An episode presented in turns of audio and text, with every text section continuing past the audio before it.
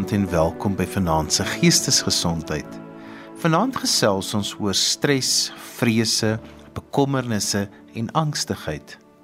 So baie van ons is kronies bekommerd en angstig oor byna elke aspek van ons lewens, oor ons finansies, gesondheid, verhoudings, die rentekoerse wat bly opgaan, beerdkrag, is ek goed genoeg?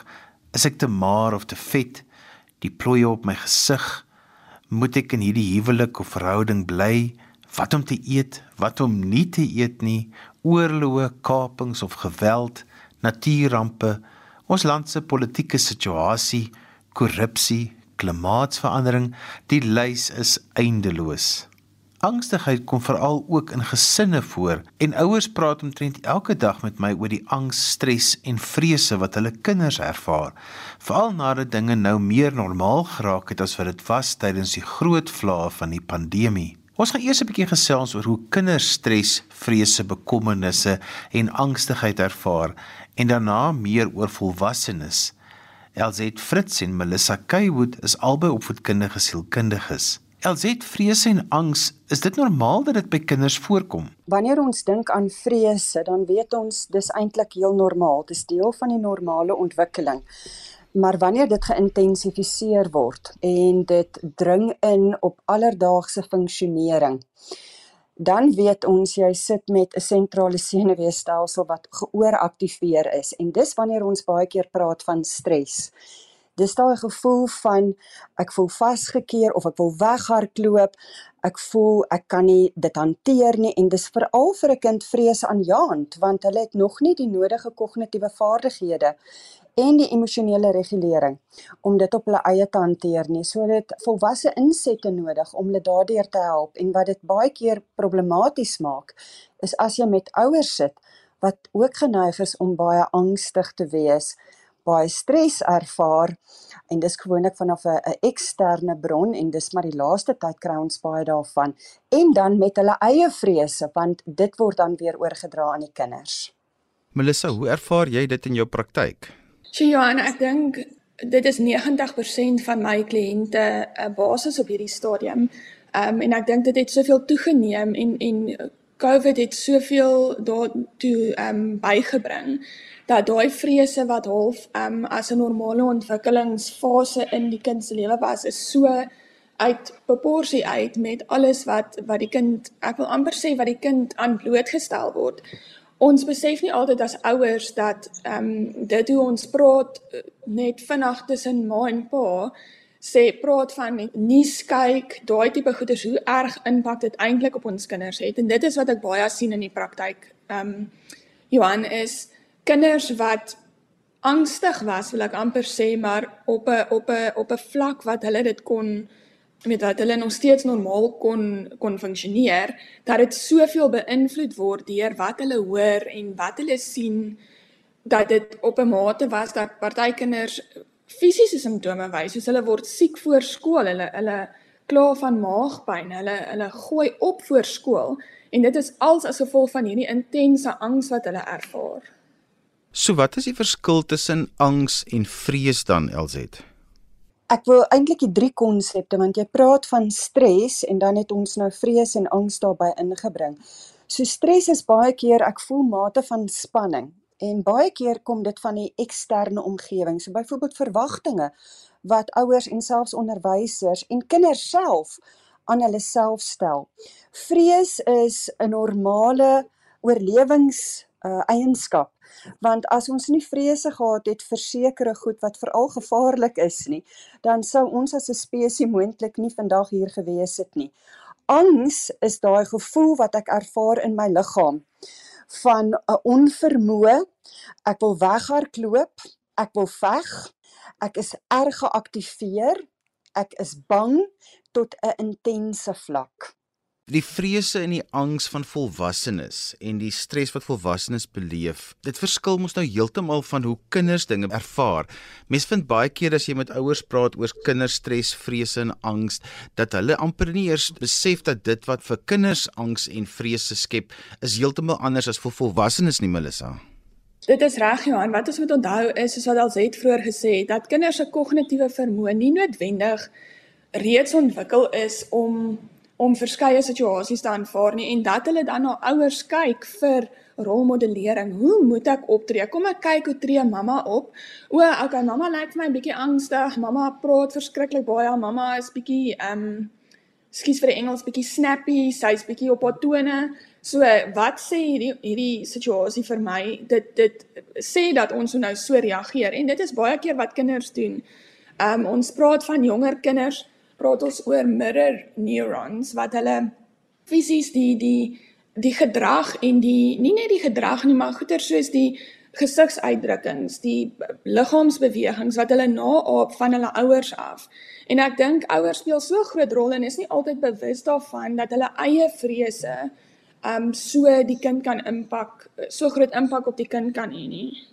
Johan, as ek kan aanvul by dit wat Melissa gesê het, dis heeltemal akkuraat in terme van ons volwassenes hanteer dinge wel baie anders as kinders. Ons het 'n 'n groter vermoë om dinge te kan uitredeneer en ons het al die vermoë ontwikkel om patrone te kan raak sien.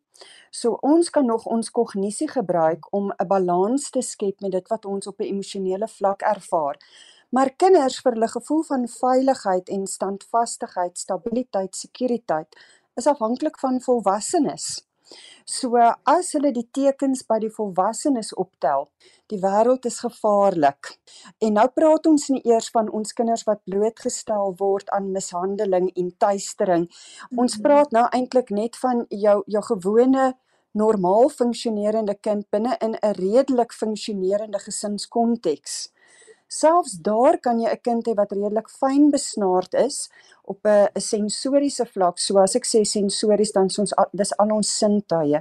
So ons kry van ons kinders en baie keer is dit ook ouers wat hypersensitief is. So hulle tel die stemtoon op, hulle tel die gesigsuitdrukking op, hulle tel die tempo van jou stemtoon op. Um en al daai goed sê vir hulle is is hierdie vir my 'n veilige situasie? Sê my liggaam vir my hierdie is veilig. Of as my my ma of my pa of die persoon wat my skool toe bestuur baie vinnig ry in die oggend, baie gejaagd is, tekens toon en krie woorde gebruik langs die pad. In daai oomblik voel daai kind onveilig en dit kan bydra alreeds tot 'n belewing van ek kan nie hierdie hanteer nie, dit is vir my te veel voeg dan die normale goed daarby waaroor kinders gewoonlik nogal bekommerd kan wees. Die maatjies, die juffrou, die huiswerk, die toetse, die verwagtinge. So dis alles wat ons op die ouende in ag moet neem is die impak wat die stelsel op die kind se funksionering het en het hulle reeds die nodige vaardighede en het hulle iemand wat hulle laat veilig voel na wie hulle toe kan gaan wanneer hulle voel maar alles is vir hulle te veel of sit hulle met volwassenes wat baie krities is en raas um en net vir 'n kind sê uh, man ruk jouself reg en ons huil nie hiervoor nie. Melissa want daai wat die volwassenes se verstaan daarvan is baie keer van maar dis mos nie so erg nie. Dis reg Johan en dit is nou weer om by te las by wat al het gesê ons as volwassene se kognitiewe vermoë is ons kan rede insien partykeer en as ons veral kyk na die feit dat kinders partykeer nie of nie partykeer nie in 'n ontwikkelingsfase dat hulle nie realiteit van fantasie kan kan skyn hier speel nogal 'n groot rol want dit is hoekom kinders bang is vir goed soos monsters of onrealistiese goed. En ek dink dit is baie keer wat ouers voel maar dit is dan nou nie 'n regte ding nie. En en vir hulle kinders probeer verduidelik dat dit nie 'n regte ding is nie maar die kind se kognitiewe vermoë is nie so is nie so ver ontwikkel om daai redenering te maak en daai daai ehm um, verskil te kan identifiseer tussen wat regtig is en wat ehm um, nie regtig is nie en dit is waar en ek sien dit baie in my praktyk waar kinders blootgestel word aan aanlyn of slegs um of stories of series of films wat wat 'n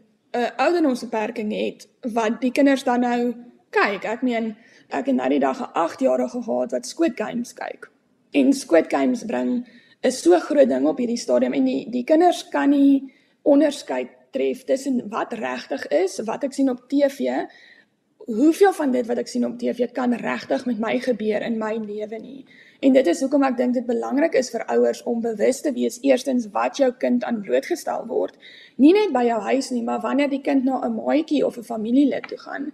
en dan ook te hou by die ouderdomsbeperking van sekere materiale, maar ook om be bewus te wees soos wat alsite gesê het van jou jou eie kind se sensitiwiteit.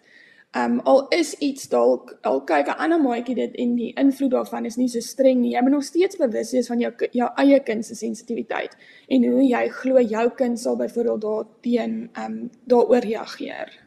As ek kan aansluit by wat Melissa gesê het, sy het gepraat van die verbeelding en werklikheid en ons weet gewoonlik hier tussen 4 en 5 is wanneer ons sit met kinders wat 'n um, vergrote vrees kan begin ontwikkel vir dit wat nie noodwendig 'n vrees behoort te skep nie.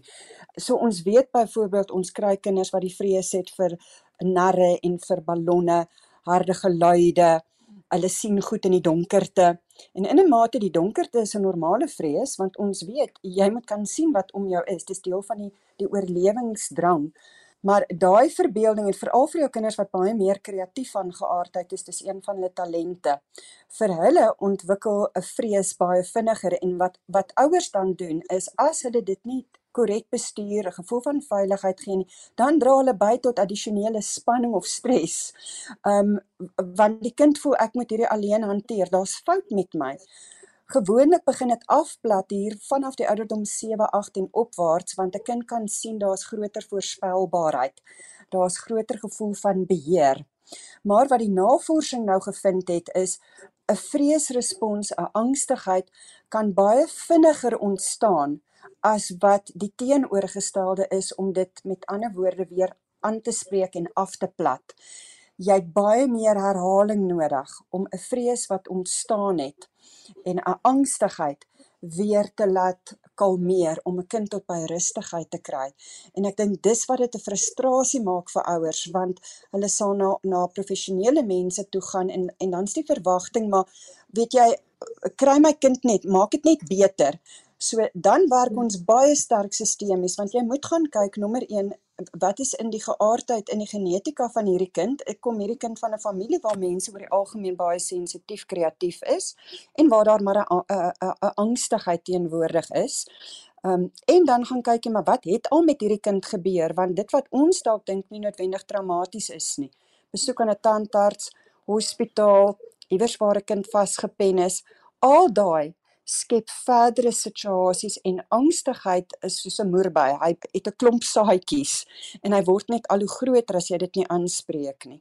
Nou As ons kom by stres en vrese en al hierdie dinge, wat is die tekens waarvoor 'n uh, ouer moet uitkyk LZ? Wat is die dingetjies wat dit vir jou kom sê dat hier is dalk iets meer as wat net die normale angste en vrese is wat 'n mens maar tog elke dag mee te doen kry, dat ek nou moet dalk miskien moet gaan hulp kry? So dis gewoonlik die goed wat jou normale funksionering begin belemmer. Die kind wil nie meer skool toe gaan nie. En daar begin al hoe groter reaksies kom. Jou kind disreguleer baie vinnig. So jou kind kan van 0 tot by 10 soos 'n vulkaan ontplof. En dan moet jy vir jouself gaan afvra, was my kind nog altyd so? Is hierdie iets nuuts?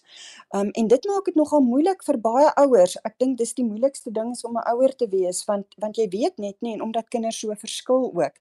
Jou kind wat begin kla van maagpynne, tandpynne, hoofpynne, allerlei pyne. Ons het deesdae kinders wat op 'n al hoe jonger ouderdom hulle hulle self begin beseer.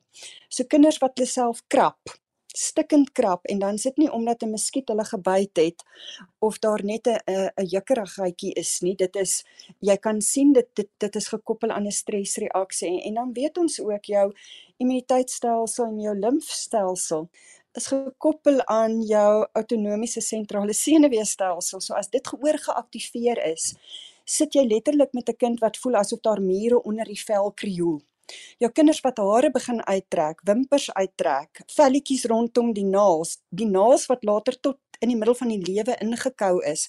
Daai is alles tekens wat vir jou sê my kind dra swaar. Jou kinders wat hulle mond bloedrooi lek. Um veral ons stel dit op by by voorskool en in die grondslagfase. Dan die mondjie heeltemal stikkend gelek is. Um kinders wat hulle hulle mond stikkend byt, die lippe stikkend byt, velletjies trek. Daai's alles tekens wat vir jou sê hier sit ek met 'n kind en my kind voel nie veilig binne hulle eie liggaam en heel waarskynlik ook nie in die omgewing nie. En dan moet jy as ouer baie mooi gaan kyk, is dit iets binne jou? Ek weet byvoorbeeld toe my kind baie jonger was, het ek nie besef hoe vinnig ek eintlik praat nie. Dis eers baie jare later wat ek geleer het ek moet baie stadiger en laer praat. Ek het daardeur eintlik my kind geaktiveer. En dis my ietsie kleins. So jy gaan kyk daarna jou stemtoon, jy gaan kyk na moontlike insidente wat al met jou gebeur het of met jou kind gebeur het, want dit wat met ouers gebeur, met die versorgers van 'n kind, het ook 'n impak op die kind en daar's baie gesinne op hierdie stadium wat mense aan die dood afgestaan het of waar daar mense was wat vir lang periodes siek was en in die hospitaal. En dit onmiddellik gee vir 'n kind selfs voorskool al, al daai gedagte van wie gaan na my kyk? as mamma nie meer is nie, pappa nie meer hier is nie, ouma oupa nie meer hier is nie of die een wat na my kyk, selfs ons huiswerkers, want vir baie van ons kinders is dit hulle versorgingspersoon.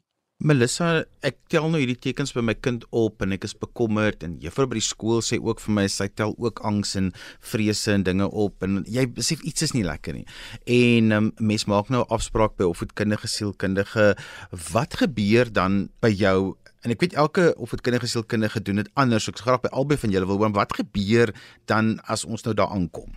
Ek dink Johan dit is dis baie ouderdoms gepas en baie individuele saak gepas, maar ek dink en als het dit ook nou net daaroor gepraat, jou eerste kontak met die ouers sê al klaar vir jou verskriklik baie.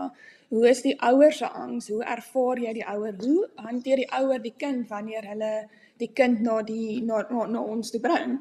Weet ehm um, vra die ouer byvoorbeeld baie keer moet ek nou saam met die kind inkom um, weet en dan kyk jy ook na hoe maklik is dit ouderdoms gepas vir die kind om van die ouer te skei om dan nou in die terapiekamer in te gaan. Maar sodra ons in die terapiekamer is, is dit baie belangrik om in ag te neem elke ding wat die kind doen. Byvoorbeeld as jy 'n kind het wat verskriklik baie praat en aanhoudend praat, dan weet jy, okay, hierdie kind sukkel om emosies te hanteer, 'n bietjie um, ekskuus vir die Engels dysregulated.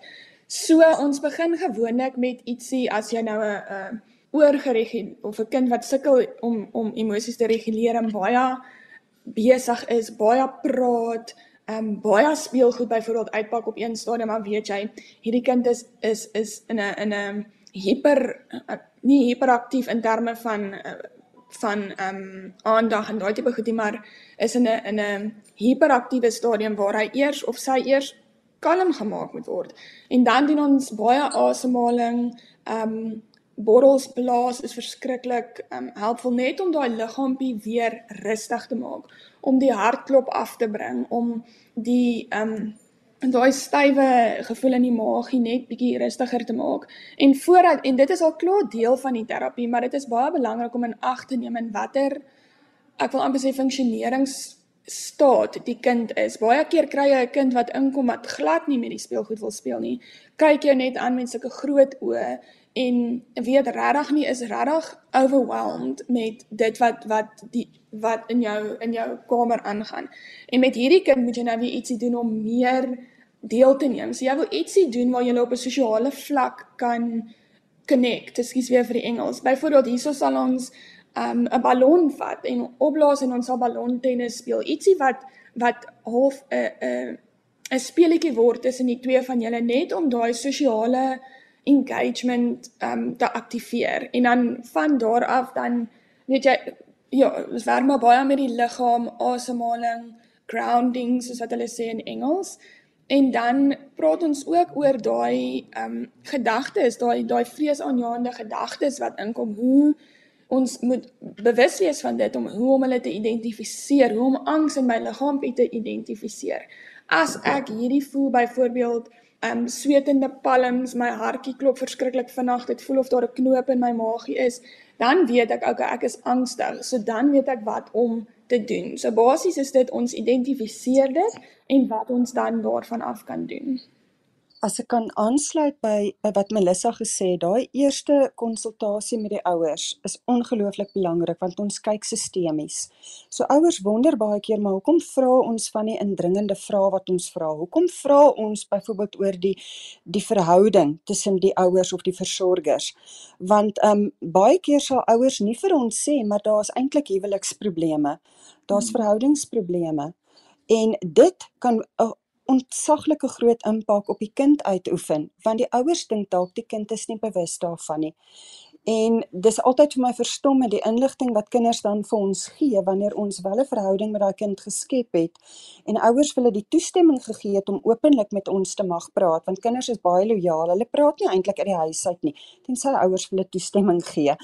En dan kry ons die inligting wat wat in die huis aangaan en dan sê ouers verstom om te besef maar hoeveel weet hierdie kind eintlik?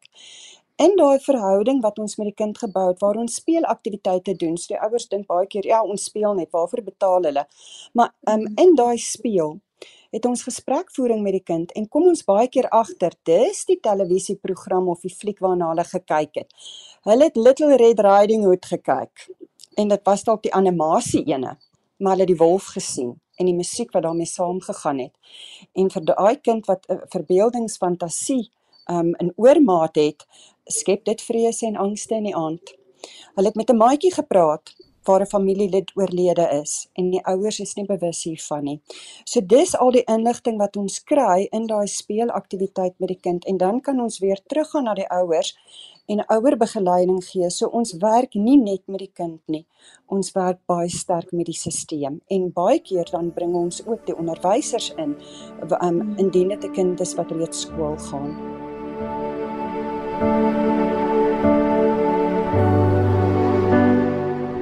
Angs was nog altyd met ons. Vroeë grotbewoners het ook op 'n daaglikse basis angs beleef, maar dit was meer 'n oorlewingsangs. In hulle geval het dit gegaan oor of iets jou gaan aanval en as dit gebeur, gaan jy veg of gaan jy vlug. En so het ons deur 'n veg of vlug reaksie oor duisende jare geleer om van gevare te ontsnap. Die angs onderliggend aan hierdie veg of vlug reaksie het ons dus gehelp om veilig te bly. Die amygdala is 'n deel van die brein wat hierdie veg of vlug reaksie in gevaarlike situasies beheer en dus verantwoordelik is vir ons oorlewing of om ons veilig te hou. In die moderne wêreld leef ons darm in 'n relatief veiliger omgewing as duisende jare gelede, maar die amygdala is steeds aktief besig om elke keer wanneer ons met uitdagings, stresvolle situasies of trauma gekonfronteer word, dit as 'n onmiddellike gevaar te interpreteer. Die amygdala kan foute maak en interpreteer baie keer alledaagse uitdagings en irritasies verkeerd.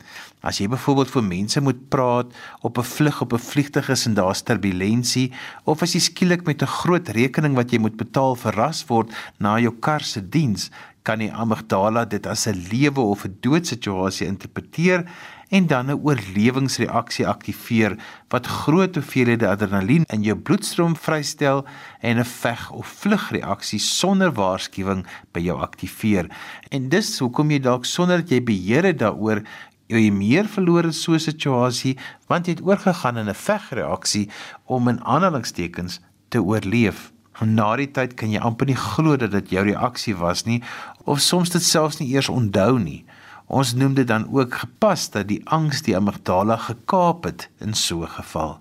Dit is altyd belangrik om ook in ag te neem dat 'n bietjie bekommernis en angs soms nodig is om jou aan die gang te kry. Veral as dit kom by dinge soos sperdatums om te leer vir 'n eksamen of om jouself uit te daag om goed te presteer in jou werk. Korttermyn bekommernis en angs kan produktief wees as dit jou help om die uitdagings wat voorlê te beplan en om dit op te los. Dis wel nodig om te noem dat angs eintlik so 'n normale reaksie op stres is. En ek sal bekommerd wees as jy nie in sommige situasies angs ervaar nie, want dit kan eintlik voordelig wees as jy byvoorbeeld 'n bestuurder is en 'n moeilike besluit moet neem. Daardie angs is wat baie keer nodig is om die energie op te wek om 'n effektiewe aanbieding of 'n voorlegging te doen. Ons verwys daarna as die skoenlappers in jou maag of daardie benoudheid in jou bors. Hoe jy daardie angs hanteer is wat wel saak maak. As jy jou angs goed bestuur en in beheer daarvan is, dan kan jou angs wat jy beleef selfs vir jou uitwys waarmee jy uitdagings of probleme ervaar. Angs kan amper gesien word as so 'n ingeboude lewensafrigter. In plaas daarvan om met alle mag te probeer om die angs te stop, probeer eerder agterkom wat sit agter die angs. Deel daarvan om angs reg te bestuur is om wanneer jy angstig raak, jou aandag daarop te vestig om die belangrike vrae te vra. As ek angstig is om voor 'n gehoor te praat, lê die antwoord nie daarin om die angs te onderdruk nie, maar eerder om te vra wat moet ek begin doen om meer selfvertroue te ontwikkel of wat maak dat ek so angstig raak voor 'n gehoor? As sosiale situasies jou angstig maak, begin dink oor wat moet jy doen om jou sosiale vaardighede te ontwikkel. As jou bekommernis of angs onbeheerbaar word en keer dat jy die lewe geniet, dit inmeng met jou daaglikse funksionering, jou verhoudings, jou prestasie by die werk of wanneer dit inmeng met jou vermoë om emosioneel en intellektueel na die beste van jou vermoë te werk, dit is wanneer die angs oormatig kan wees en dan het jy professionele hulp nodig. Terapie, medikasie of 'n kombinasie van die twee kan 'n reuse verskil in jou lewe maak. Moet nooit huiwer of skaam wees om iemand te gaan sien vir professionele hulp hiervoor nie. Sommige mense dink bekommernis sal jou help om slegte dinge te vermy, probleme te voorkom en of wat kan jouself dalk voorberei op die ergste. As jy jou voortdurend oor alles bekommer, kan dit egter in 'n gewoonte verander waaroor jy beheer kan verloor. Wat interessant is is dat bekommernis is 'n denkproses oor 'n kwessie waarvan die uitkoms onseker of negatief is. Bekommernis gaan met onaangename emosies soos angs, skaamte, skuld, pyn, hartseer, mislukking en vele meer gepaard. Mense wat baie bekommerd is, sê ek altyd dink te veel. Hulle oordink alles eerder as om die emosionele impak van 'n negatiewe gebeurtenis te ervaar. Navorsing met breinskaderings het bevind dat mense wat baie bekommerd is, 'n groter aktiwiteit in hulle dinkgedeeltes van hulle brein het en 'n onderdrukte aktiwiteit in die limbiese of emosionele gedeeltes van hulle brein toon. En dis hoekom hulle op die nie-emosionele deel van hulle brein dikwels vertrou om 'n bedreiging te hanteer. Hulle dink eerder as om te voel. En bekommernis is dus 'n denkproses en angs is 'n emosionele proses. Angs het drie hoofkomponente. Daar's 'n emosionele komponent, daar's 'n fisiologiese komponent wat jy aan jou lyf kan voel en daar's 'n kognitiewe of 'n dinkgedeelte aan angs. Nou daarteenoor het bekommernis net 'n dink of 'n kognitiewe gedeelte. So dis net 'n kognitiewe proses van negatiewe denke en om 'n negatiewe uitkoms te verwag dink julle weet almal dat een negatiewe gedagte lei tot 'n volgende en jy begin al hoe meer gestres voel soos wat jou gedagtes pad afhardloop wanneer jy jou bekommer oor 'n ding. Oormatige bekommernis kan maklik groot dele van jou lewe soos 'n domino effek beïnvloed. En dit laat jou voel dat die ergste reeds gebeur het en ongelukkig onderskei ons brein nie altyd tussen wat verbeel word en wat werklik is nie. 'n Bekommernis kan vergelyk word met iets wat 'n koei doen wanneer dit die kos oor en oor herkou. Net so kan ons baie keer ons gedagtes ook oor en oor en oor herkou. Het jy jouself al betrap dat jy oor en oor aan dieselfde ding dink en jou daaroor bekommer?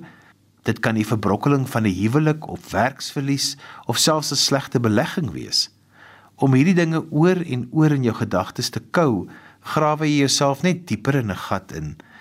Dit versterk eintlik bedrading in jou brein wat negatief is. Dit maak dit baie moeilik om uit daardie gat te kom wat jy vir jouself gegrawe deur weer en weer en weer aan daardie gedagtes te kou.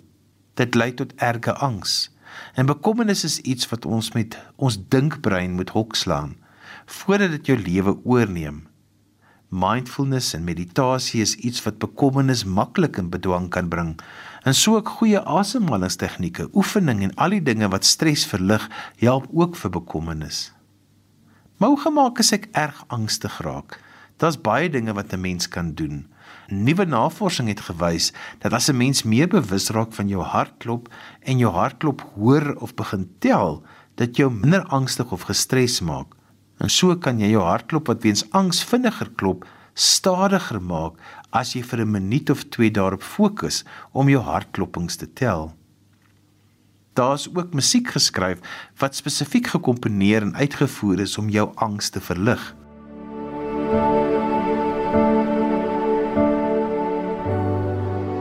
En daarmee ons gekom aan die einde van vanaand se geestesgesondheid. Onthou jy kan weer na vanaand se program luister as 'n potgooi. Laai dit af by resgep.co.za. Skryf gerus vir my 'n e e-pos by Johan.lil@gmail.com en onthou daai Johan het net een N. En daarmee groet ek dan vir vanaand. Kyk mooi na jouself. Tot volgende keer van my Johan van Lille. Totsiens. thank you